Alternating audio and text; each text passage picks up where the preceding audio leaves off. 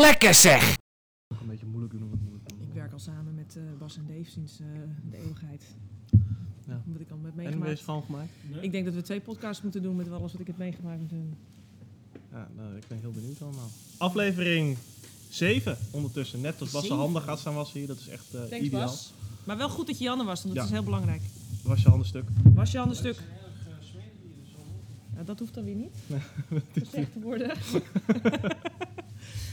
maar goed, in ieder geval wel goed dat je handen was. Ehm, dit is nummer is hoeveel? Zeven. Zeven. Zeven? Sabine zegt gisteren dat ze 69 wil. Dus als we daar zijn, dan moet je Sabine uitnodigen. Ach, ach, ach, ach, ach. nou, dan gaan we hoor met de grapjes. Lekker, Ja, graag. heerlijk. Lekker. Ja, als het ja, deur is op slot. Die heb ik ook niet. Ik loop tas. Ja, ach, nog meer extra calorieën. Ja. Aflevering Oké, 7 al. aflevering 7. Ja, jeetje. Met Sabine. Mm. Hoe is het? Ja, goed. Ja? Een beetje koud nog. Koud, hè? Ik vind nog wel een beetje frisjes buiten. Ja, de hele ochtend buiten staan is nog... Dus, dus eh, inderdaad, eh, ja, maar gaat wel lekker. We kunnen weer een beetje les geven. dat is Daar fijn, ben ik hè? wel blij mee. Ja, ik ook. Ik voel me een beetje Onwijs. nutteloos de laatste weken. Ja, ik ook. De hele tijd thuis zitten. Het is gewoon lekker dat we weer met mensen spreken. En, eh, een beetje Ja. lachen. Een beetje, Een beetje clubhuisje voelt het. Ja, Iedereen komt gezellig een kopje koffie doen. ja. Ondertussen als je afvraagt wie de koffie zet, dat is afhankelijk van de coach uiteraard. Maar ja, volgens mij is ik doe er negen scheppen in. Hoeveel scheppen doe jij er? negen. Ja, met, een, ben- met een bergje. Oh. Ja. Ja, ik ben begonnen bij 7, maar ik ben, ik ben teruggegaan naar 5. Want ik vond het echt niet te drinken. ja, maar het is ook niet echt de beste koffie die er is. Maar goed, we zijn nu aan het laatste pak. Dus mensen, als jullie nog koffie hebben om te sponsoren, graag. Kom het langs brengen. Ja, nou ja, inderdaad. Goede koffie. Ja, goede koffie zou wel heel fijn Dat zou zijn. ja. fantastisch zijn. Ja. Goed, ehm, een paar weken geleden heb ik met Joey een aflevering gedaan over zijn eh, sportachtergrond, zijn, eh, carrière zijn en zijn leven, zeg maar. Ja? En ehm, nou, nu dus Oké. met jou is wel heel leuk, want ik, wij spreken elkaar ook niet heel veel of zo. Nee. We zien elkaar hier smiddags natuurlijk, maar we geven, ja, omdat jij eigenlijk alleen op buitenveld les geeft, Ja. spreken we elkaar niet heel veel. Dus ik denk dat het voor mij ook. eh, Ja, dat vond ik trouwens ook leuk, weet je, dat je nu met elkaar eh, meer staat. Eh, en ook dat je leden ziet van Buitenveld en Amstel. En dus ook de coaches van elkaar Ja. eh, meer elkaar zien. Ja, Het is leuk om te zien, want mensen elkaar, oh, jij bent, jij bent die en die. Oh, Ja. jij bent, ja. Dus ja, jij met bent lesge- Pablo. Ah, ja, ja, met lesgeven ook inderdaad. Al een Ja. paar keer dat ik leden heb gezien die al een hele tijd lid zijn, die gewoon nog, nooit gesproken nooit een les hebben Grappig is dat, hè? Ja. Ja. dat is wel heel leuk. Ehm, maar goed, Ja. laten we helemaal bij het begin beginnen. Wat heb jij... wat voor sport heb jij vroeger gedaan? God, nou. Ik, ehm, ik ben niet echt opgegroeid in een sportieve familie. Dat, eh, dat schijnt, nou ja, dat is niet helemaal waar. Mijn moeder die trainde, die deed vroeger wel turnen. En mijn vader was wel een vechtspo- vechtsporter. En dat wilde ik vroeger ook heel graag. Judo wilde ik doen, dat mocht niet. Ehm, maar ik vader ben, deed ook judo? nee, hij deed taekwondo, deed hij. Hij was daar blijkbaar heel goed in ook. Heb ik me altijd laten vertellen door hem. Ehm, maar ik was eigenlijk altijd een beetje aan het zoeken van wat ik leuk vond om te gaan doen. En toen ben ik uiteindelijk ehm, een soort van in softbal gerold, gek genoeg. Het was een beetje de eerste sport die ik eh, op school deed en dat ging goed. En toen kwam de sportleraar naar mijn ouders toe en die zei... eh, Sabine, je moet op softbal, want die kan dat, eh, die kan dat heel Oh goed. Ja, dus ik heb dat een tijdje gedaan. Maar toen kwam ik ook eigenlijk daardoor achter dat ik best wel hard kon rennen. En ehm, dat ging eigenlijk, dat lag mij beter. Ja, ja, ja. Want ten eerste, ja, niet lullig bedoeld, maar met softbal heb je ook veel momenten dat je niks doet. Dat je zit of, of staat en hoopt dat er wat op je afkomt. En ik vind eh, het bewegen vind ik gewoon het leukste. Dus, ehm, en ik was altijd wel heel goed met hardlopen op school. Ik was altijd wel de eerste die eh finishte en eh, noem het allemaal op. En dan begreep ik niet waar iedereen dan bleef. Dus toen ben ik eh, gaan hardlopen. En dat heb ik heel lang gedaan. En eh, ook best nog wel eh, op, op wat, eh, wat leuk niveau gedaan. Eigen coach gehad en veel getraind voor wat middellange afstanden. hoe, hoe oud was je toen? toen je dat Jezus, was ik, ik, ben, ik ben ooit begonnen met een hardloopschemaatje in een of ander oud afgeracht bo- boekje van mijn vader. En dat was een soort blokjeschema. Dan moest je dan twee minuten lopen, twee minuten rennen, twee minuten lopen, twee minuten rennen. En dat ging je dan opbouwen tot, nou weet ik veel, hoe lang. En ik denk dat ik toen een jaar of dertien was of zo. Oh, dus je bent echt wel Ja, dus het ja. En eh, toen ben ik daarna ehm, echt hardloopschema's gaan, eh, gaan opvragen. En toen uiteindelijk via een organisatie, die zit er nu ergens in Dodewaard, weet ik. Ben ik toen eh, met een eigen trainer aan de slag gegaan. En toen ben ik echt gaan kijken van, hé, hey, wat kan ik op prestatieniveau gaan doen qua wedstrijden. En ook nog zelfs eh, ooit gedacht van, nou, misschien dat ik wel Olympische Spelen kwalificaties kan halen. Ja? En dat soort dingen kon, eh, ja, dat wilde ik heel graag. Daar was ik echt helemaal door geobsedeerd. Dus dat heb ik heel veel gedaan, ja. Dus Maar- en dan was zat je ook bij de atletiekvereniging? Uiteindelijk niet. Ik heb dat altijd met een eigen coach gehad. Dus Oh, ik heb wat- echt letterlijk gewoon iemand gehad die mij vertelde wat ik moest doen. En eh, Ja. ik deed dat in mijn eentje. Dus ehm, ja, dat vond ik altijd wel... eh, motivatie zoeken was al vroeg een onderdeel van mijn, van mijn repertoire. Ja. Ja, elke dag... is het setjes doen van vier, 10 keer 400 meter sprint en dat soort geinen. Maar hoe kwam je aan die leuk. coach dan? Ja, gewoon ook eh, weer opge opgeduikeld, weet ik veel. Ik was altijd aan het zoeken naar manieren om eh, mijn trainingen op te pakken en weer iets nieuws te leren. En eh, Ja. ik kwam daar op een gegeven moment een keer achter, waarschijnlijk Runners World of iets. Ik heb geen idee, maar het is Ja. natuurlijk al heel lang geleden, Paolo. Hoe lang geleden is dat, erg oud. nou, ik kan je zo vertellen dat zeg maar, de schema's werden per post opgestuurd. Mm. Zo ver lang geleden is dat. Dat is echt lang geleden. Ja. lang Ik heb ze nog trouwens, die schema's. Ja. Ja? Allemaal? Ja, dus echt bijhouden van schema's en loggen, dat vond ik echt altijd meteen al heel, heel eh, belangrijk. Moest ik ook doen. Ik moest, eh, wat wilden ze dan van me weten? Eh, wat, ik, wat voor weersomstandigheden het waren, wat de temperatuur was, hoeveel ik op in die week woog, hartslag, rustpols, alles werd bijgehouden. Mhm.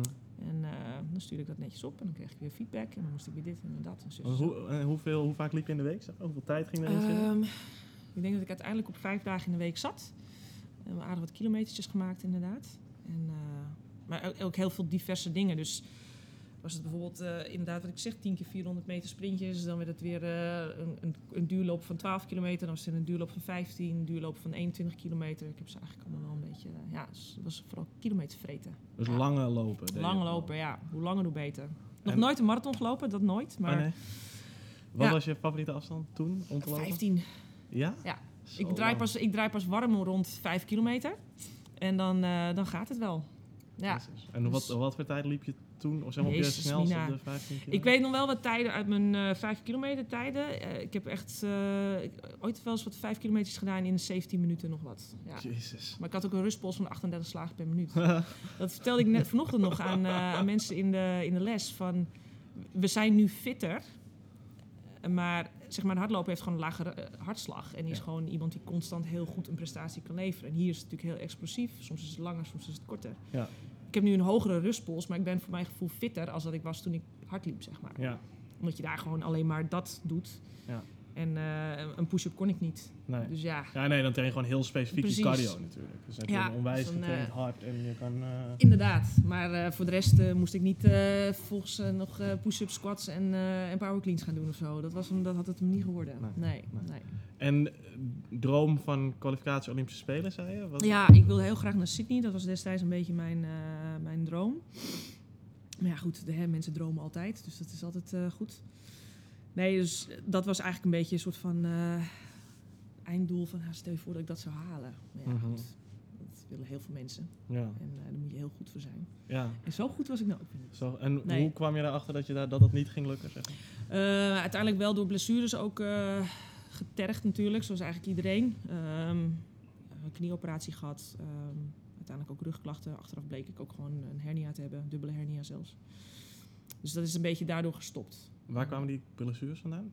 Ik heb uiteindelijk, maar ja, dat weten volgens mij ook heel veel leden. Als, als ik iets voordoe, dan Mhm. buigt alles een beetje verder door. Dus ik heb ook echt een hele. Ik, ik zit gewoon super los in mijn gewrichten. Dus ik heb gewoon al die tijd zoveel aanslag gepleegd op mijn, op mijn lijf dat het gewoon echt op een gegeven moment niet meer kon. Mhm. En eh, toen ben ik, eh, heb ik een kijkoperatie gehad In je knie. in mijn knie. En toen zeiden ze, nou, het is misschien beter als je ook wat krachttraining gaat doen. Dus dat je een beetje jezelf wat sterker maakt en dat het allemaal wat, wat beter op elkaar blijft zitten. Mhm. En toen ben ik eigenlijk eh, gaan fitnessen, natuurlijk zoals, ja, zoals iedereen. Zoals iedereen, ja. En dat vond ik eigenlijk wel heel erg leuk, Ja. stiekem genoeg. Dus toen eh, ben ik dat meer gaan doen. Dus ik was op een gegeven moment in een of andere wazige, stoffige sportschool bezig, ergens in Hoofddorp op een zolderruimte boven een winkel. En daar stond ik dan te deadliften en te legpressen en dat soort Mhm. dingen. Ja, dus ik vond het krachtgedeelte eigenlijk wel, eh, wel heel erg leuk. En dat is altijd wel zo gebleven. Het hardlopen iets minder. Hardlopen vind je nu niet meer leuk? Ik ben een beetje een crossfitter geworden, hè. Dan krijg je gewoon eh, minder zin in, eh, in, in afstanden rennen. En dan eh, is een 400 meter dan een hele afstand. Dus, Maar die, je, je houdt daar wel iets van vast, toch? Van die, als je dat Ja, zo ja, lang... Ja. ja, uiteindelijk weet ik wel dat als ik weer... Ik heb nu, net als Dave, we, we vallen natuurlijk allemaal uit elkaar als coach zijnde. Een beetje, wat laatste tijd wat last van mijn heup. Dus ik merk ook echt met lopen dat het mezelf echt Hmm. een beetje tegenwerkt. Maar ik weet wel dat als ik de, de smaak weer een beetje te pakken heb, dan eh, pak ik mijn duurlopen weer en dan ga ik Ja. gewoon heel makkelijk de weg op. Ja, want ik vind het een soort van eh, de beste manier van mediteren eigenlijk. Ja, dat kan me voorstellen. Ja, heel veel mensen zie ik ook altijd met, met dingen oplopen, weet je, met hun oordopjes in en dergelijke. En dat had ik allemaal nooit. Zonder muziek, altijd. Zonder muziek en gewoon gaan. Ja, dat vond ik het lekkerst. Ja. Ja. Ja, je hoort dat wel van heel veel mensen inderdaad, die lange duurlopen doen. Dat het een soort van meditatie, Ja, eh Ik, eh, rustgevend ja. iets wordt. precies. Je, hebt ook de, je hoort ook wel eens over die, eh, die runners high die mensen wel Ja. eens ervaren. Ik heb het een paar keer meegemaakt. Als ik dan echt mag pinpointen van hé, hey, dat moet het zijn geweest, dan is dat het wel geweest, ja. Ja. Dan heb je dus zo'n danig tempo en zo'n danig flow in je hele ritme. En alles is, werkt gewoon exact zoals het moet werken. Ja. En dan voelt het alsof je serieus eindeloos kan doorrennen. Op hetzelfde tempo. Bij wijze van dagen achter elkaar. Ja, ja? Ja? dat is wel dat gevoel. Dat heb ik wel eens eh, een paar keer gehad. Ja. Oké, dat is het dus. Ja. Maar dat is nu, Ja. het is nu wat anders. Ja, nu ja. Ja. snap ik. Ja, dat is ook, als jij natuurlijk lange afstanden gewend bent, dan is een 400 meter in een bot, dat is, dat is ook een hele andere Ja, en stimulus. het- eerlijk gezegd, het is ook verschrikkelijk. Ik bedoel, hetzelfde met... eh, ik ben ook echt een duursporter. Dus echt zeg maar een, een explosieve training van... eh, zoals wat, wat we vandaag hebben gedaan, 21, 15, 9. Dat is eigenlijk verschrikkelijk. Mhm. Dat is echt onder de 10 minuten. Dat is eigenlijk helemaal niet mijn ding. Nee. Dus ook inderdaad 400 meters. Dat is eigenlijk gewoon... Dan kom ik, dan kom ik niet eens op gang Nee. eigenlijk. Als Nee, ik een paar ja. rondjes heb gehad, dan denk ik... Oh ja, ja ik zit er nu Dat goed is in. het, ja. Dus op zich een Murph bijvoorbeeld is dan wel... eh, dat, is dan, zit er wel iets meer in mijn, eh, in mijn straatje. Maar echt die eh, korte dingetjes, dat hoeft niet voor mij. Nee, echt snap niet. Nee. Hey, en je hebt dus eh, nou, heel veel hard gelopen. Ja. En eh, met een beetje een, een, ooit nog een Olympische droom. Wanneer hield dat een beetje op, die, eh, Ehm, dat hardlopen? nou, ik ben een beetje gestopt met hardlopen toen ik ehm, uiteindelijk inderdaad die blessures kreeg. Me meer ging bezighouden ook met fitness, met andere sporten. Vond ik het al wel leuk. Hoe een oud was beetje. je toen? Ik denk dat ik toen rond een jaar of 18, 19 was. Dus je hebt zeg maar je ehm, hele tienerjaren heb je ja, heb ik hard gelopen? En eh, toen ben ik eh, uiteindelijk ook eh, voor, voor school en voor ook mijn werk ben ik naar het buitenland verhuisd. Wat deed je? Ik werkte, of in ieder geval na mijn middelbare school ben ik voor een toeristische opleiding heb ik, gekozen. Omdat ik eigenlijk niet wist wat ik wilde. En weet je, dan ben je 16 of ik was in dit geval 15. Nou, leuk, reizen lijkt me leuk. Nou, dan ga je Mm. dus eigenlijk een beetje die kant uit. Ja. Dus eh, toen heb ik daar eigenlijk eh, een beetje de, de smaak te pak- pakken gekregen van nou, het buitenland in en, eh, en daar dingetjes doen. En ook daar heb ik, ik heb in Zuid-Spanje gewoond, ook meteen eerst eh, fitness opgezocht en daar al, altijd getraind. Mhm.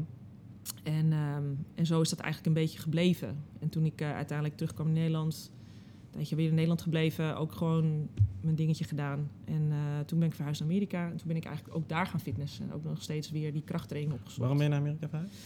Eh, hetzelfde verhaal eigenlijk. Ik was een beetje verveeld in Nederland. Ik had al een baan een tijdje en dat ging eigenlijk wel heel erg goed. Ik werkte voor een reisorganisatie. En eh, ik had daar wel een redelijk goede plek. En alles kon, alles mocht. Maar ik verveelde me toch wel ook wel weer. Wat deed je bij de reisorganisatie? Ik was, eh, het was, ik heb serieus, het is wel grappig. Ik heb, ik heb voor een golfreisbureau gewerkt. Een golf. Zonder ooit een bal te hebben geslagen. Ja, Ja, ja. wel mooi. ik wist compleet niet waar ik het over had. Nee. Ik heb ook echt serieus daar pas voor het eerste keertje met een, een, een, een, een tripje met collega's eh, in Frankrijk ergens heb ik eh, een keertje voor het eerst op zo'n driving range gestaan. En dus dat was wel het was een hele leuke baan. Want we gingen ook wel eens het buitenland in en dan op bezoek bij locaties en zo. Mhm. Maar het was toen, niet helemaal. Toen was ik in mijn eentje naar Amerika gegaan voor voor een, een tripje naar New York. En toen dacht ik, hé, hey, dit, is wel, dit is wel wat. Ik, vind, ik, ik wil hier wel eens een tijdje wonen. Nou, oké, dus dat eh, gefixt. Dat was allemaal voor 11 september, dus toen kon alles nog. Oh ja. ja, was, eh, dan kreeg je een visum en dan eh, succes ermee. Ja. En eh, dat is nu niet meer zo, helaas. Nee. En toen heb ik anderhalf jaar heb ik in, eh, in Atlanta gewoond. En, eh, en daar ook nog steeds wel de sport een beetje bijgehouden. Ook weer gaan softballen. Ik speelde in het hotelteam, eh, speelde ik eh, mee. Dat vond ik wel grappig om weer eens eh, te doen. Ja. Ja. Want wat deed je daar voor de rest van werk dan? Ook allemaal hotellerie. Of ja, ook al- hotellerie. Ik, dat heb ik in Zuid-Spanje gedaan. Oké. En in Amerika ook. Ik, ik kwam eigenlijk gewoon in de horeca terecht. Ja. En eh, ik heb heel lang gewoon eh, alle afdelingen van hotels eh, heb ik gedaan. Dus dan werkte ik een tijdje achter de belservice. Dan werkte ik bij de receptie. En dan werkte ik in het banqueting gedeelte. En dan was ik weer bezig met kamers schoonmaken. En alles, alles erop en eraan. Vond je dat leuk? Een hele mooie wereld is het. Ja. Ja, ja, het is echt een hele leuke wereld. Het is een soort van wereldje in, in een wereld. Want je, je bent allemaal met elkaar heel erg eh, nauw betrokken qua werk. Mhm. Maar er gebeurt natuurlijk altijd van alles in een hotel. Want ja, het zijn natuurlijk gesloten deuren, dus dan eh, Ja. durven mensen meer. Ja. Dus ik heb wel hele mooie verhalen. Ik moet- ooit moet ik daar nog eens een keertje wel de, wat dingen op van opschrijven, want het is echt, eh, ja, Mhm. je maakt wat mee. Ja, dat kan me wel voorstellen. ja. Ja. Mm. Dus ja, en toen ben ik eigenlijk altijd met krachttraining bezig geweest. En, ehm, Toen deed je helemaal, toen, ben je ook, je- toen, toen je die operatie hebt gehad, ben je toen helemaal gestopt met hardlopen? Of ja, liep je toen v- nog wel? eerst, de eerste periode wel. En eh, toen op een gegeven moment heb ik het wel weer een beetje proberen op te pakken. Maar zodra je... Als je zo intensief met een sport bent bezig geweest... en jezelf altijd zo hebt gepusht... of zo hebt ge... op een gegeven moment werd het te moeten... Mm. dan wil je op een gegeven moment niet meer. Nee. En dat, dat, ik spreek nu wel vaker mensen die in een topsport hebben gezeten... die hebben datzelfde. Ja. Die hebben dan er gewoon een hekel aan gekregen. Dan is het eigenlijk. lastig om dat weer recreatief Ja. te gaan doen. Ja. Ja. Dan zou je er weer de lol van moeten terugvinden. En ja, dat kwam er bij mij niet echt meer, meer in terug. En eh, toen had ik zoiets van, nee, ik vind het wel best. Dus, eh, en dat krachttrainen bleef toch altijd wel een beetje een leuk dingetje. Weet je, van kijken of ik nog iets meer kan optillen of nog iets meer kan dit. En, Ja. eh, ja, dus dat, eh, dat is altijd wel gebleven. Maar dat hardlopen, dat is, op een gegeven moment was ik er wel een beetje Nee, maar dat, dat snap ik wel heel goed. Ja. Ja. Als, je dat, als je dat gewoon op, eh, hè, op wedstrijdniveau hebt gedaan, dan snap ik dat het lastig is om terug te gaan naar ja, voor ja. de lol ja, precies. Ja. Oké, dus anderhalf jaar in Amerika, daar krachttraining gedaan. Toen, terug. Toen eh, in anderhalf jaar 10 kilo aangekomen. Zo, Ik eh, hoorde de podcast met Joey en toen moest ik heel erg lachen. Wat hij vertelde, want ik ken die foto die hij dus, waar hij het over heeft op zijn Ja. Instagram. En heeft inderdaad echt een dikke harses. En er is ook een foto van mij. En iedereen lacht natuurlijk altijd van, ja, ik ben natuurlijk die tochtstrip die hier eh, rondloopt. Maar toen keek ik, ik heb één foto dat ik dus omdraai of zo. En mijn moeder heeft dan net die foto gemaakt. En ik heb echt een hele bolle harses. En in principe gewoon een gezond, heel gezond gewicht. Want ik woog toen, eh, wat was het, 65 kilo of zo.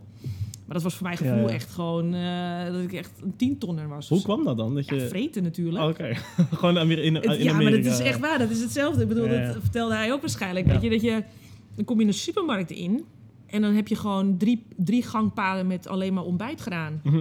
En drie gangpaden met alleen maar koekjes en chips en dingen Ja. waarvan je nog nooit gehoord had. En ijs, jongen. De vriezers, mijn vriezer stond vol thuis. Alleen maar ijs. Ja, zo lekker. En nu komt die vetchild in mij. Ja, ja. Ja, maar dat is echt zo. Dan vreet je jezelf helemaal klem. En het is eigenlijk ook allemaal rotzooi. Want het is... eh, de ingrediënten die erin zitten, dat, daar kijk je naar je, nou, ik kan niet eens uitspreken wat erin zit. Ja. Maar het is allemaal bende. Maar het is allemaal zo lekker. Suiker. Ja, Suiker. zo lekker. Ja. Dus dat, eh, dat ging goed. Ja. Maar uiteindelijk grappig gezien, als je dan kijkt naar voeding en dan de kwaliteit van voeding bijvoorbeeld. Dan, eh, ik was geloof ik in Nederland een maandje terug. En toen ging het weer eraf. Had ik weer normaal brood, weer normale groenten. Ja. En dat was gewoon weer terug naar Dan ben jij ook zo weer, eh, zo weer normaal. Jawel. Dat, dat heb jij dan ook. Ja. Oké, toen kwam je weer in Nederland. Mhm. En wat was toen je plan?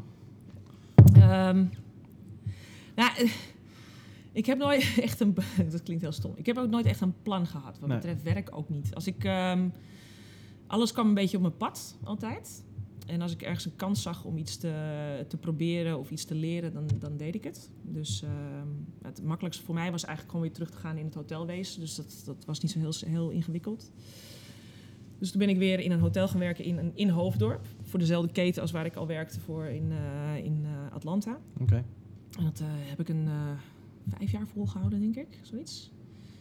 Nachtdiensten, wisseldiensten, Mm. vroege diensten, late diensten. Ja. Het, is, het is een ander leven. Het is echt, ehm, je kan niks plannen. Je sociale leven is eigenlijk een soort van bestaand. Maar ja, wanneer kun je afspreken? Ja, over drie maanden. Heb ik wel weer een keer tijd. Ja. Dus dat, eh, dat ging ook op een gegeven moment wel, eh, wel vervelen. En eh, toen heb ik in de tussentijd nog een eh, 2,5 jaar ook nog bij de landmacht gezeten. Oh, Dat echt? kwam er ook nog even tussendoor, ja. Het was een, eh, een hele mooie... Toen ik, toen ik 16 werd, of toen ik 16 was... toen werd er in, in Nederland heel erg eh, veel reclame gemaakt voor vrouwen in het leger. Dat was echt een beetje een ding van... oké, we willen dat toegankelijker maken voor vrouwen. En er is ook gewoon eh, werkgelegenheid voor, dus dat werd echt gepromoot. En ik wilde dat toen al heel graag. En mijn moeder Hmm. die had echt zoiets van... Nou, dat, is, dat gaat niet worden. Je gaat echt het leger niet in. Dat is niks voor meisjes. En je gaat maar een, je gaat maar een beroep... je gaat maar een goed, goed, goed vak leren jij. Ja. Nou, dus, eh, dus dat mocht toen niet. En eh, toen kwam ik uiteindelijk op een, een foldertje uit ergens. En dat, dat vertelde over de, de NATRES, de Nationale Reserve. Dat is eigenlijk een soort reserveleger wat we hebben in Nederland. Ehm, weten heel veel mensen niet dat we die hebben, maar die hebben we.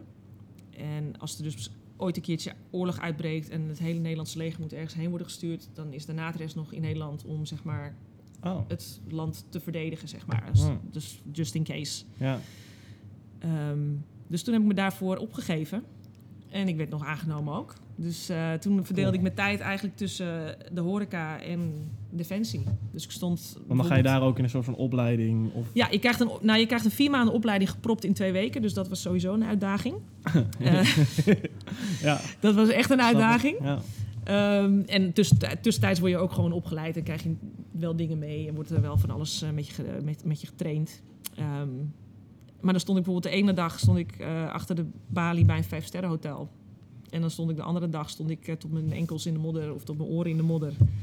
In een of ander schuttersputje te wachten op de vijand die nooit kwam. Want ja, dat was natuurlijk een beetje het idee erachter. Mhm.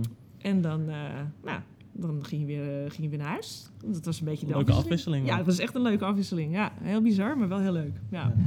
Maar en je, je bent daar nooit verder mee gegaan in, bij Defensie, zeg maar? Nee, het is een... ik hou van aparte wereldjes, dat blijkt maar. Want dat is met, met Defensie ook zo, weet je. Ja. Het is eh, een beetje een rare types, weet je. Sorry dat ik het zeg. Ik weet dat er een aantal mensen misschien luisteren... die ook, eh, ook voor Defensie hebben gewerkt of werken.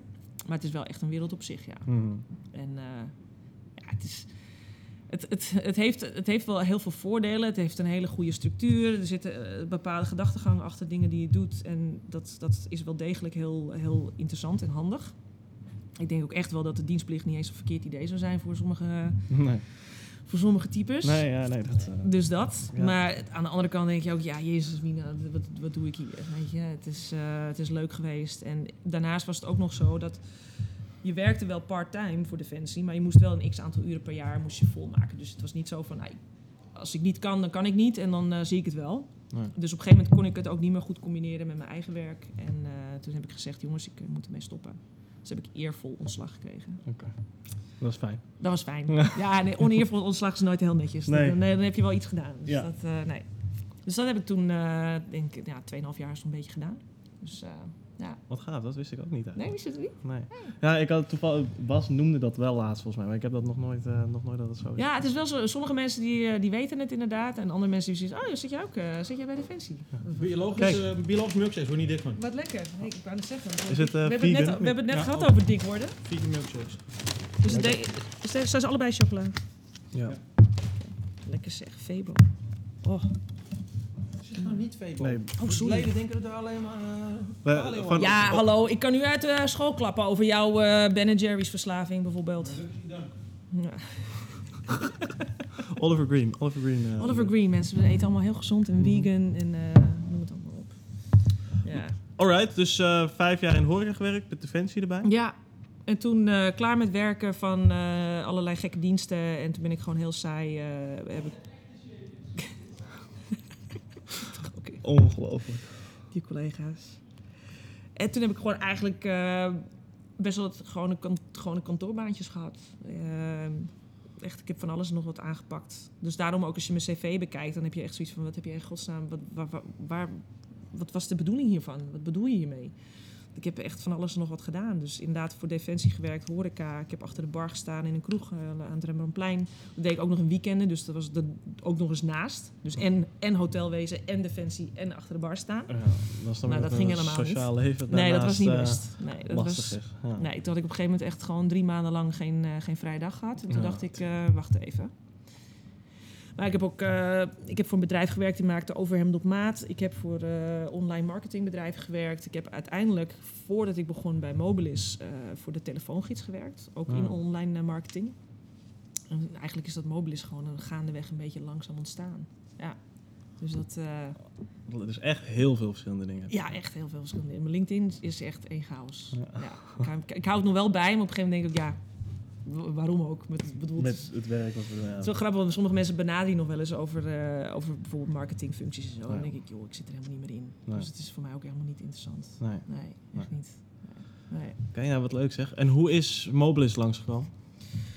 Eh, eh, Mobilis is sowieso langsgekomen ergens in 2011. En ik, beetje het- Ja. ik, ik denk dat het verhaal van Dave een beetje hetzelfde is. Ik was ergens met ik was toen de tijd wel een beetje... Ik ben sowieso altijd al bezig geweest met voeding en, en, en dat soort dingen. En toen was ik het paleo-dieet op eh, het spoor gekomen. En paleo werd destijds door eh, alle crossfitters heel erg gepromoot en heel erg eh, begin. ja. aangehangen. Dat is nu al een beetje anders, maar toen was dat echt het ding. Ja. Dus ik was al met paleo bezig. En toen ineens zag ik op Facebook iemand en die schreef... eh bla bla bla crossfit. Wat de fuck is crossfit? Nou, standaard wat je doet. Je gaat het googlen. En je ziet een YouTube filmpje. En dan denk je... Fucking hell, dat is vet. Dat is cool. Dat ga ik nog een keer... Wacht, ik ga even zoeken. Een paar uur later. Tig filmpjes verder. Ja. En wat ik mooi vond, was dat, zij, dat de bewegingen best wel heel erg eh, dingen waren die ik zelf ook heel graag goed wilde kunnen. Weet je, gewoon een, een goede push-up, een goede pull-up, een, een, een squat, een, een pistol squat bijvoorbeeld. Eh, een handstand push-up. Vond ik Ja. allemaal heel vet. Dus ik denk, dat is echt tof, dat wil ik ook eh, proberen. Dus ik zoek van waar kan je dan crossfitten. Nou ben ik even kwijt de hoe, hoeveelste affiliate Mobilis is. Maar ik geloof dat dat was nummer Wat zei Dave? 12? 12, 11 of 12 11 van Nederland. 12? Nou, Dave zei volgens mij de eerste keer 11 en toen verbeterde hij zichzelf naar 12. Dat zou kunnen. ik weet Zou kunnen, ja. zeker. Dus er waren natuurlijk nog niet zoveel affiliates van, eh, Nee. van CrossFit in Nederland. En eh, ik vond er eentje ergens in, eh, volgens mij in Osdorp. Een gast die dat al deed. En in Nieuw-Vennep. En dat Nieuw-Vennep, in Nieuw-Vennep was het CrossFit Amsterdam. Dat sloeg ook helemaal nergens op. Die ja. gasten zaten ongeveer 15 kilometer van Amsterdam vandaan. Maar Ja. die noemden zichzelf eh, CrossFit eh, Amsterdam. Ja, die zit er achterin. En eh, dus ik hun bericht van jongens, eh hey, ze zo trainen? Maar ja, die tij- trainingstijden kwamen niet uit. En toen ben ik een beetje zelf gaan crossfitten in mijn appartement.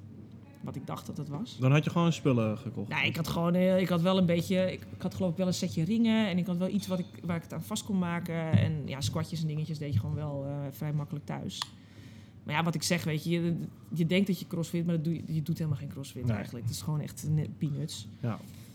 En toen eh, in 2012 ging zowel Reebok open, 020, Mhm. als Mobilis in januari.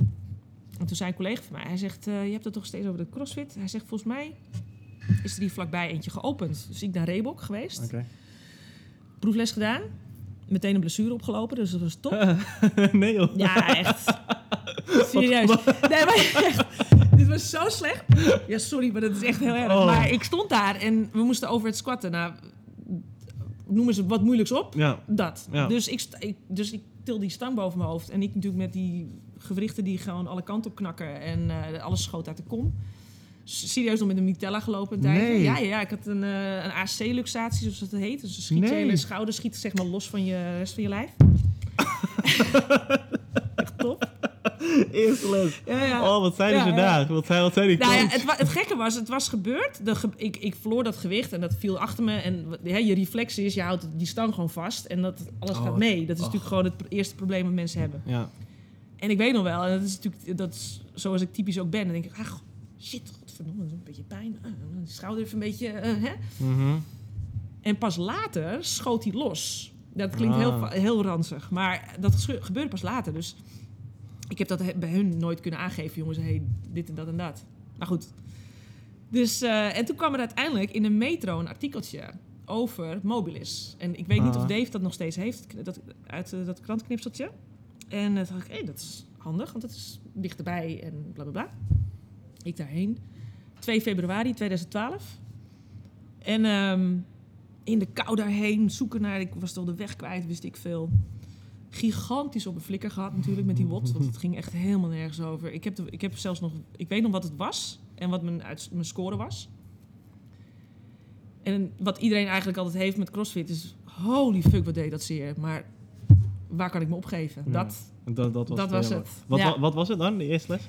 Het was iets met boxjumps en een beetje basic wel. Eh boxjumps, volgens mij ook iets met eh kettlebell swings en ik, ik moet het opzoeken. Ja. Ehm, ik had het laatst nog, heb ik het een keer zelfs nog op eh, Facebook gepost. Nou, echt een vreselijk slechte tijd natuurlijk. Ja, ja. Echt ging helemaal nergens over. Maar wel echt denken van, ja, jezus, dit is geniaal. Mhm. Dit wil ik. Ja. Dit gaan we doen. Dit gaan we gewoon doen. dit gaan wij doen. Maar ja, in, eh in Buitenveldert, nou ja, niet iedereen is er, is er geweest. eh, de meeste leden. Maar het is natuurlijk nu groter. Maar dat was toen de tijd echt gewoon een, eh, een, wachtruimte bijna.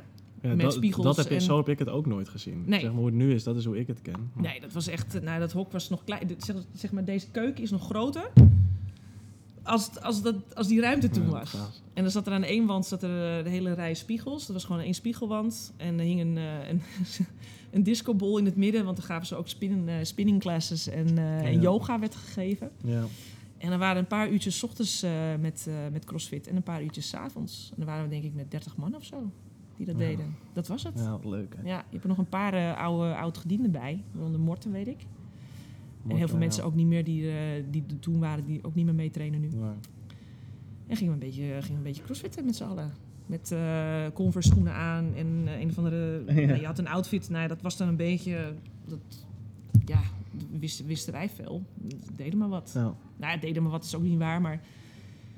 Ja, het was gewoon een beetje... Dan ging je uitleggen aan mensen van, ja, wat doe je? Ja, crossfit. Oh, dat is op zo'n eh, zo'n apparaat, Op zo'n crosstrainer. Die krijg ik af en toe nog steeds. Hè. Serieus? Ja. Als ik dan in, eh, laatst in college zat ik in een breakout room, dan vroeg iemand, wat is crossfit? Oh ja, zo'n crosstrainer. Ik dacht van, nou, jij leeft echt onder een steen hoor. Ik wou net zeggen, dan zie je ook nog in jouw, in jouw, Ja. jouw opleiding, jouw hele gebeuren, Ja. moet eigenlijk iedereen gewoon weten wat het is. Ja, dat lijkt me wel. Maar Vind goed, ik, ja goed, misschien zijn we ook wel een beetje arrogant of zo. Misschien. Maar het is nu wel echt zo dat je dan, als je nu tegen iemand zegt, ik doe crossfit. Oh ja, ja, een neef van me of een buurman. Of, eh, het is ik een stuk of- bekender dan het, Ja. eh, het is echt onwijs gegroeid. Ja. Ja, het was toen de tijd echt... eh, in 2012 was volgens mij ook het tweede jaar dat de CrossFit Open werd gedaan. eh, dat je online kon opgeven. Dat je dus je scores kon invullen Oh ja. en dan eh, live kon, of, of kon meedoen. Dus dat vond ik natuurlijk ook een heel goed plan om dat te doen na een maand eh Gelijk, ja, CrossFit te hebben. tuurlijk. Ja. Dus dat deed ik ook. En dus schouder uit de kom en dat soort dingen. Precies, ja. Dus eh, ik eh, tegen iedereen daar ook van... jongens, eh, CrossFit Open, dat is toch tof, man? Dan kun je tegen de, de toppers van CrossFit kun je gewoon eh, meedoen... en eh, wereldranglijst, bla, bla, bla. Nou, iedereen had zoiets van... nee, doe je goed bij je hoofd, gek. Doe normaal. Ja. Waarom zou ik Laat dat me doen? met rust. Ja, dus eh, ben ik weer ingeschreven. Toen kwam 12.1. 12.1 was eh 6 minuten burpees. Of 7 Oh, minuten zeven burpees. minuten burpees, ja. Naar een 6-inch target. Oh, dat was 12 tot 1, ja.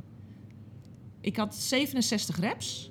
En ik denk dat ik serieus 15 keer ben doodgegaan tijdens die training.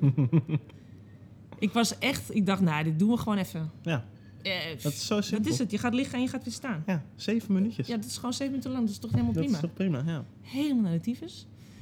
En toen hadden we, daarna was er nog een ronde met iets met eh, power snatches en ook superlicht gewicht. Als je nu kijkt naar de gewichten die er toen werden gebruikt en nu. En nu eh, is het meteen al bam gaan. Mhm. En toen was het nog eh power snatches met 20 kilo, 25 kilo. Ja. En nu is dat gewoon echt niet meer... Ja, de sport is wat dat betreft ook wel veranderd. Ja. ja, echt. Ja. Ja. ja. Dus het eerste jaar heb ik daar echt wel super veel plezier van gehad. Want ja, je, je PR't op alles en alles gaat super goed. En ehm, toen ben ik wel wat meer weer gaan krachttrainen. Want toen dacht ik, hm, deadlifts en zo, en squats moeten ook misschien ook wel wat beter.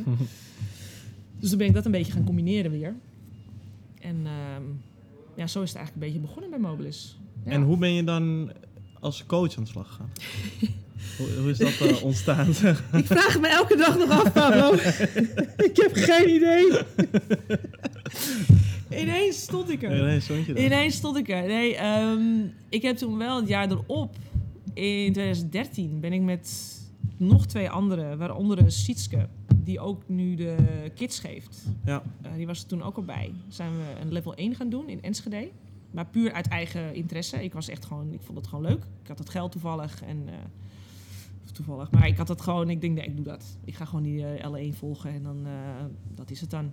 ja. Verder helemaal geen bedoelingen erbij of zo van, nou, ik, Nee, waar, waar ik het met Ja. Dave ook al over, heb gehad. Dat, daar, dat is ook gewoon een leuke cursus om eventjes Absoluut. zo te volgen. Ook als je er niks verder per se mee wil. Absoluut, dus het is superleuk. Je, kan, je wordt even ondergedompeld twee dagen lang in eh, alleen maar nerdy eh, shit over CrossFit. En, eh, en het is gewoon tof. En je moet dan ergens op een gegeven moment friend doen. En dan vind je het niet meer zo tof. En Nee. dan na de lunch gaat het wel weer, Ja. weet je, dat. Ja, ja. En ehm, dus dat had ik toen ook eigenlijk, die gedachte. En eh, toen ben ik eigenlijk daar gewoon, ben ik gewoon gaan verder crossfitten bij, eh, bij, eh, bij Mobilis. En toen kreeg ik, toen kreeg ik mijn eerste blessure. weer. Weer. ja. Ja, toen brak ik mijn sleutelbeen. Ah, nee. Ja, ik dacht dat ik wel kon handstand lopen. En, want dat gingen we gewoon doen. Dus dat deed ik ook. En vol gas onderuit. Brak mijn sleutelbeen. Nee, Toen heb ik echt een tijdje thuis gezeten. Toen heb ik ook echt wel ben ik wel door gaan trainen. Toen ben ik uiteindelijk weer in de fitness beland bij Mobilis. En echt op allerlei manieren geprobeerd om toch te kunnen trainen. Dus ik weet nog wel dat echt heel vaak die gasten van de fitness... dan stonden ze bij dat, door het raam daar te kijken. En dan stonden ze alleen maar zo met hun hoofd. Wat is ze nou weer aan het doen, weet je? Dan had ik weer een kabel vastgebonden aan mijn arm. En dan dacht ik, nou, als ik dat dan zo kan tillen... dan kan ik wel bankdrukken of dan kan ik dit of dat wel. Dus dat ook gewoon doorgegaan. Ja. En eh, toen exact drie maanden later brak ik mijn hand Nee joh. aan dezelfde kant. Oh, hoe Dus ik dat had ja, nou dat, dat, eh, dat verhaal dat vertel ik nog wel een keer met een, eh, met een, met een biertje Als de erbij. microfoon niet aanstaat? Ja. Oké. Goed. Een iets andere oorzaak. Ja. Er zat wel alcohol in het spel, dat Mm. sowieso. Ja, ja. En eh, dus ik zat ik met mijn hand in het gips. Godver, wat een gelul. Dat ik zoiets, ja, ik ga niet weer zoals die sleutelbeen shit, ga ik niet weer zo lang eh, thuis zitten. Dus twee dagen later was ik er weer. Goed. Ja. Hoi. En eh dan heb ik ook doorgetraind weer. Wel meegemaakt wat het is om dus zeg maar dan weer iets proberen vast te pakken nadat je, eh, ik weet niet hoe lang, geen, eh, geen stang hebt aangeraakt en niks. Dus ik kan me echt indenken hoe die mensen zich momenteel voelen Mm. met, met trainen. Van jezus, wat is dit? Ik ja. kon niet eens een barbel van 20 kilo vasthouden. Gewoon met qua Omdat je hand, ja, je, je hand is zo verzwakt Ja. en je schouder is zo verzwakt, dat is gewoon weg. Ja. Maar ja, toch, eh, toch doorgetraind. kwam weer een beetje bovenop. En toen had ik wel echt de smaak te pakken. En toen eh, kwam er een Facebook-advertentie of een oproep voorbij van eh, Karen Tofmasjan. Hij is eh, Ja. gewichtheffer in Ja. Nederland en die ging een box starten in Amersfoort. Oké. En hij zocht trainers. Oké, Leuk. nou, leuk. Tof. Dus ik heb hem eigenlijk gebericht. Ik zeg, joh, ik zeg, ik heb L1, ik crossfit. Mm. Maar ik ben geen... ehm, ik, ik zie mezelf niet als een, een volleerde coach. Dus ik wil wel bij jou ook gewoon dingen leren en hè, mezelf daar een beetje gaan verbeteren. Want het ging toch wel een beetje knagen. Een beetje in mijn hoofd spelen van... hé, hey, dat lijkt me wel heel tof om, eh, om te doen. Dus hij, eh, hij zegt, dat is goed. Dus ik ging twee keer per week ging naar eh, Amersfoort. Ik werkte ondertussen al part-time, dat had ik al een beetje bedacht. En wat ik eigenlijk deed, was daar de les geven exact zoals David deed. Dus algemene warming-up, specifieke warming-up, techniek. Zoals jij het Bot, zeg maar van Dave bam, kende bam, bij, eh bij ja, het hele uur vol. Ja. Dus dat coachen van die gast was... Dat gebeurde niet. Nee. Die, hij, eh, blijkbaar dacht hij, nou ja, volgens mij weet ze wel wat ze doet of zo. Ja. Ja. misschien heb ik dat ingevuld op die manier, maar ik werd gewoon echt daar alleen gelaten. En ik volgde gewoon precies de manier waarop ik les kreeg. Dat, dat pakte ik over. Ondertussen wel met allerlei dingen bezig qua eh, kennis opdoen en, eh, en, en nou, noem het allemaal maar op. Ik heb, hier, Mhm. ik heb tussendoor nog eh gymnastics cursus gedaan in Zweden, geloof ik. Maar in ieder geval gewoon wel ermee bezig geweest. En toen werd het, werd, het, werd het onder andere 2016. En toen kwam Dave op een gegeven moment een keer naar me toe. En die zegt, hij zegt, eh, zou jij het eens leuk vinden om te komen coachen? Want in die tijd dat je daar werkte, eh, train je nog wel bij Mobus? Ja, dus ik trainde bij Mobilis en ik, ik gaf les bij CrossFit Ja. Keistad in, eh, in Amersfoort. Dat Ja. heb ik een jaar gedaan. Echt heel 2015 sowieso heb ik dat gedaan. En eh, dus toen kwam Dave eigenlijk met de vraag van... zou jij wel eens, zou je eens willen komen coachen bij, bij Mobilis? Toen heb ik hem Mhm. eerst aangekeken waarschijnlijk alsof, alsof hij me in de zeik zat te nemen. En toen dacht ik, zei ik, natuurlijk wil ik dat. Maar toen was het voor hem wel een soort van test om te kijken van... hé, hey, jij gaat van lid naar coachpositie. Ja. En hoe gaat dat werken? Gaan mensen dat pikken of gaan mensen daar eh, oké mee zijn of Ja. gaan ze daar eh, heel anders op reageren? En toen was er een, eh, een competitors coach cursus voor bij CrossFit Amsterdam, weet ik. En toen zijn Bas en Dave daarheen gegaan. En toen zochten ze iemand voor de zondagochtend. Om dus te lessen. Mhm. Dan, dan word je dus losgelaten op het moment dat je een partnerwot moet geven met 20 man, want dat was voor mij toen ook al 20 man. Zondagochtend, dus Ja. verder helemaal. En nul backup, dus er was gewoon helemaal niemand Ja. verder. En de zondag is altijd heel En de zondag is- gestructureerd. En, eh, ja. Ja. Moest ik lesgeven. Ik had daarvoor al wel wat, eh, wat uurtjes gedraaid. eh, dat Dave erbij zat en dat hij keek hoe ik het deed en bla bla bla. Dus ik werd gewoon voor het eerst losgelaten op die zondagochtend. Ja. En ik was zo zenuwachtig. Ik was echt, ik heb denk ik, ik heb geen ogen dicht gedaan waarschijnlijk. En ik heb echt gewoon, ik was helemaal op van de zenuwen. Toen weet ik nog heel goed, dat is een klein detail of zo, maar ik fietste op een gegeven moment de Beethovenstraat uit en eh, richting dan zeg maar Mobilis eh buiten Veldert. En eh, er is in Amsterdam een kerel en die, die skilert bijna zonder kleren aan. Dus die heeft een, een, een, Ah, een, een ja, soort ja. van Borat-pak aan of zo. Ja, ja. En een, eh, en, een, en een, volgens mij een badmuts op zijn hoofd of zo. En een hele, achter, hele rare bril heeft hij. Die man die skilert altijd door de stad. En dan ineens dan zien hem ergens. En, dan denk ik, ja, ja. en ik stond voor het stoplicht echt klappertandend van de zenuwen. En hij skilert voor mij. De straat. Ja. Compleet helemaal niemand op de weg. En ineens skilert zo'n halfnaakte kerel met zijn reet in zo'n string. skilert voorbij. En toen dacht ik, oké, nou ja. Ik denk dat dit, het- dit, dit is mijn teken. Ik moet dit gewoon, eh, dit wordt het gewoon. Ja. En dat heb ik toen gedaan en het ging eigenlijk heel goed. het ging heel goed. De lessen, niemand is overleden, niemand heeft iets gebroken. En, ehm, en zo is het eigenlijk een beetje begonnen. Hoe was dat dan voor jou om van eh, lid naar coach te gaan? Ja, ik vond het ook heel spannend. Want ik, nogmaals, weet je, ik snap ook inderdaad Dave's uh, gedachtegang wel wellicht daarin. eh, Van ja, Jezus, dan ineens gaat iemand vertellen wat Ja. je moet doen. Weet Ja, je? absoluut. Ja, Maar blijkbaar had hij toch het idee dat dat ging lukken. En het lukte ja dus maar goed, ook. ik kan me voorstellen dat Ja. voor jou ook, als je normaal gesproken de mensen die altijd in de les staan, zijn toch ook je vrienden en die mensen zie je wekelijks of dagelijks misschien zelfs op een gegeven moment. Zeker. En dan moeten ze ineens van jou aangenemen. Of dan moet je reizigers eh, ineens gaan eh, vertellen van nou? eh, Hoezo? dit Ik en kan, dit moet gebeuren. je, kan, je kan meer tillen dan jij, bij wijze van, weet je. En, en eerlijk gezegd, natuurlijk, dat maakt je niet een betere coach. Puur omdat je zwaarder kan tillen, ben je niet meteen een, een betere sporter Helemaal of een betere, niet, nee. betere trainer. Maar ik snap wel dat mensen daar moeite mee zouden kunnen hebben. Maar dat is voor zover ik nog heb begrepen of, of kan nagaan, heb ik daar nooit, eh, is dat nooit een issue geweest. Of Nee. hebben mensen daar nooit zich aan gestoord. Misschien hè, wel gedacht of zo, maar nee, ik heb dat nooit, eh, nooit meegemaakt. Nee. En ik denk uiteindelijk als het.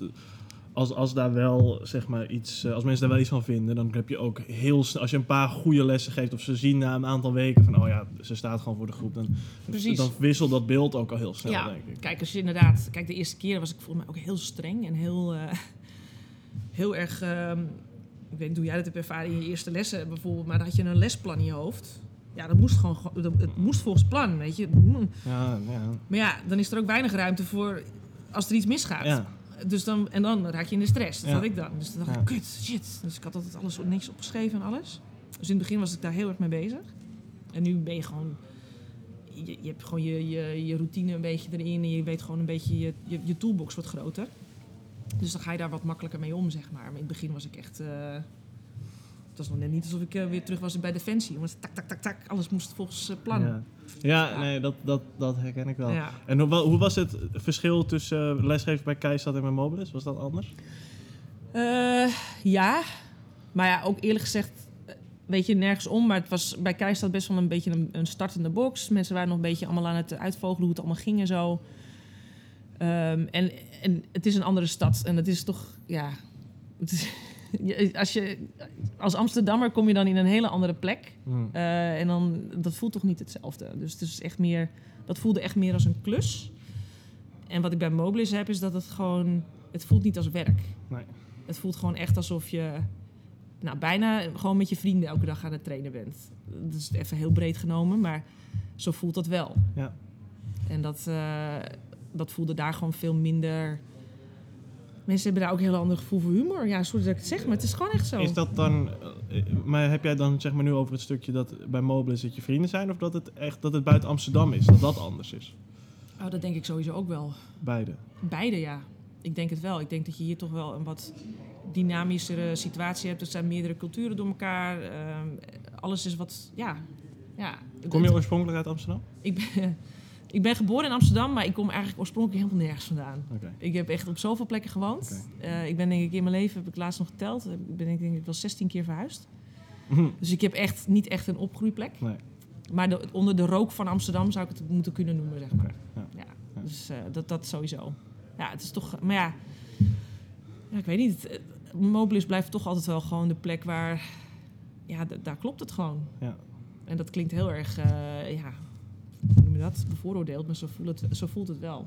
Ja. Ja, nee, maar ik snap, ik snap wel. Ik kan me ook wel heel goed voorstellen wat je zegt. Dat er wel gewoon een verschil is tussen eh, binnen Amsterdam lesgeven en niet in Amsterdam Ja, lesgeven. ja, dat Want denk ik ik kom wel. natuurlijk oorspronkelijk ook van een box buiten Amsterdam. Ja, En ja, dat was ergens best wel eventjes wennen, wennen. of zo. Nou, ik Ja. kan me dat wel eens, ik kan me dat nog wel eens herinneren dat inderdaad wel eens mensen eh, die kwamen voor het eerst bij ons les eh, volgen. En ik stond dan ook nog wel eens regelmatig in de les met Dave of Bas. Ja, Ja, daar gaan natuurlijk de, de woorden tering en eh reet aanspannen en eh, piemel in de weet ik veel waar. Dat, dat soort dingen, dat gebeurt gewoon. En dat Ja. is, ja, dat, daar zijn wij, dat zijn we gewend. Ja. Maar dat is niet iedereen is dat gewend. nee. Maar dat vind ik juist wel weer de kracht van ons Ja, als box. Dat we absoluut. gewoon, het is what you see is what you get. En dat vond ik toen de tijd al, toen ik ging proeflessen, ook al. En ik was bij, eh, niks te nadelen van, ik zal, het nooit, ik zal het nooit zeggen, maar ik was bij Reebok geweest. En daar was het veel onpersoonlijker. Hm. En bij Mobilis was het gewoon meteen van, nou, dit is gewoon echt wel een hele toffe groep met mensen ook. Ja. Ja. ja, dus dat voelde je wel meteen eh, als verschil. Ja. ja, dat kan ik me wel heel goed voorstellen. En toen heb je dus die proeflessen gegeven en toen kreeg je toen meteen eh, vaste uren? Of... Eh, nou, toen was dus eigenlijk, wat ik toen nog niet wist, was dat ze dus al bezig waren met een tweede locatie openen. Ja, ja, En dat plan was natuurlijk al gaande. En ze zochten natuurlijk, sowieso moest, moesten er meer trainers komen. ja. Want toen gaven Dave en Bas alleen Dave nog een les? ja. Ehm, ja. Ja. En zelfs Dave, in het eerste jaar dat ik daar eh, begon, eh, heeft Dave eigenlijk vrij snel dat ik begon een ongeluk gekregen. Hmm. Dat weten de meeste mensen ook wel natuurlijk. Dat hij daar heel lang ook echt eh, van, van is weg geweest. Dus eh, ik kreeg toen les van een andere jongen die eh, nu niet meer eh, les geeft. of niet meer werkt voor Mobilis. En, en Bassie uiteindelijk ook. En Hans was er toen Ja. ook nog. En, ehm, maar uiteindelijk was het, toen we weer begonnen in met, uiteindelijk toen Dave weer terugkwam, was het echt Bas en Dave. Ja. Die gaven de lessen. Ja. En dat was natuurlijk superveel uren uiteindelijk, want het werd steeds meer en meer en meer. En ja, als er een keer wat, wat gebeurde of zo, dan had je gewoon geen, eh, geen coach. Dus Nee. ik kan me voorstellen dat het een beetje... Dus hoog- in eerste instantie kwam jij er daar voorbij, zeg maar, om een beetje... eh, Ehm, ik denk het. Ik denk dat hij dat zo bedacht had. Dat zou ik hem eens moeten vragen eigenlijk. Maar ik denk ook echt met de gedachte van... hé, hey, we gaan nu een tweede locatie openen. Dat zit eraan te komen. We moeten daar personeel voor hebben. Waarom niet mensen die jij hebt gecoacht al... Hè, die weten hoe het werkt... ja. Ehm, en, en die je graag ook als coach zou willen zien, zeg maar. Dus toen eh, ben ik uiteindelijk dus eh, erbij gevraagd. Krak is er toen bij gevraagd. Ehm, René Bissot kwam er toen bij. Mandy heeft ook nog een tijdje les gegeven bij ons. En dan moet ik even denken. Nielsie, die kwam toen als stagiair.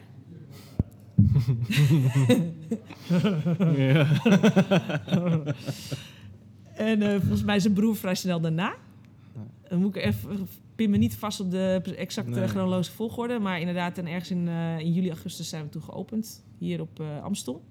En toen hebben we inderdaad een halfjaartje echt eh, gewoon gedraaid en gekeken van... jongens, hoe gaan we dit doen? Ja. gaan we, gaat dit lukken? En het is natuurlijk gewoon ge- geworden wat het nu is. Ja. Ja, ja was mooi. Wat gaaf. Ja, het is echt, ja. En dit was natuurlijk gewoon eh, vanuit zeg maar, de kleine ruimte van buitenveld. Dan kom je ineens in deze, deze gigantische crossfit eh walhalla. Ja, dat vonden wij natuurlijk ook wel mooi allemaal. Tuurlijk, ja. De eerste keer stangen laten vallen, dat was echt helemaal, dat was drama. Dat was- hoe zou een stang laten vallen? Dat kan helemaal niet. Nou, dat weet, kan hier wel. Weten de leden hier dat? Ik weet, ik weet niet of... Nou, dat hebben vast wel eens gehoord.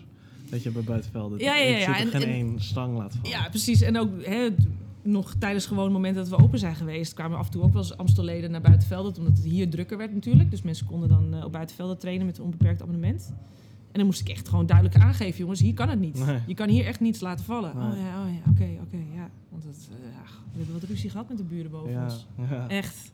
Dus dat, eh, die zullen het nu wel rustig hebben. Die vinden het helemaal niet erg, denk ik. Dat het, Nee, nee, dat, nee, dat Ja. denk ik ook niet. Nee, want Ja. af en toe nog steeds wel ja, dingen. precies. Ja.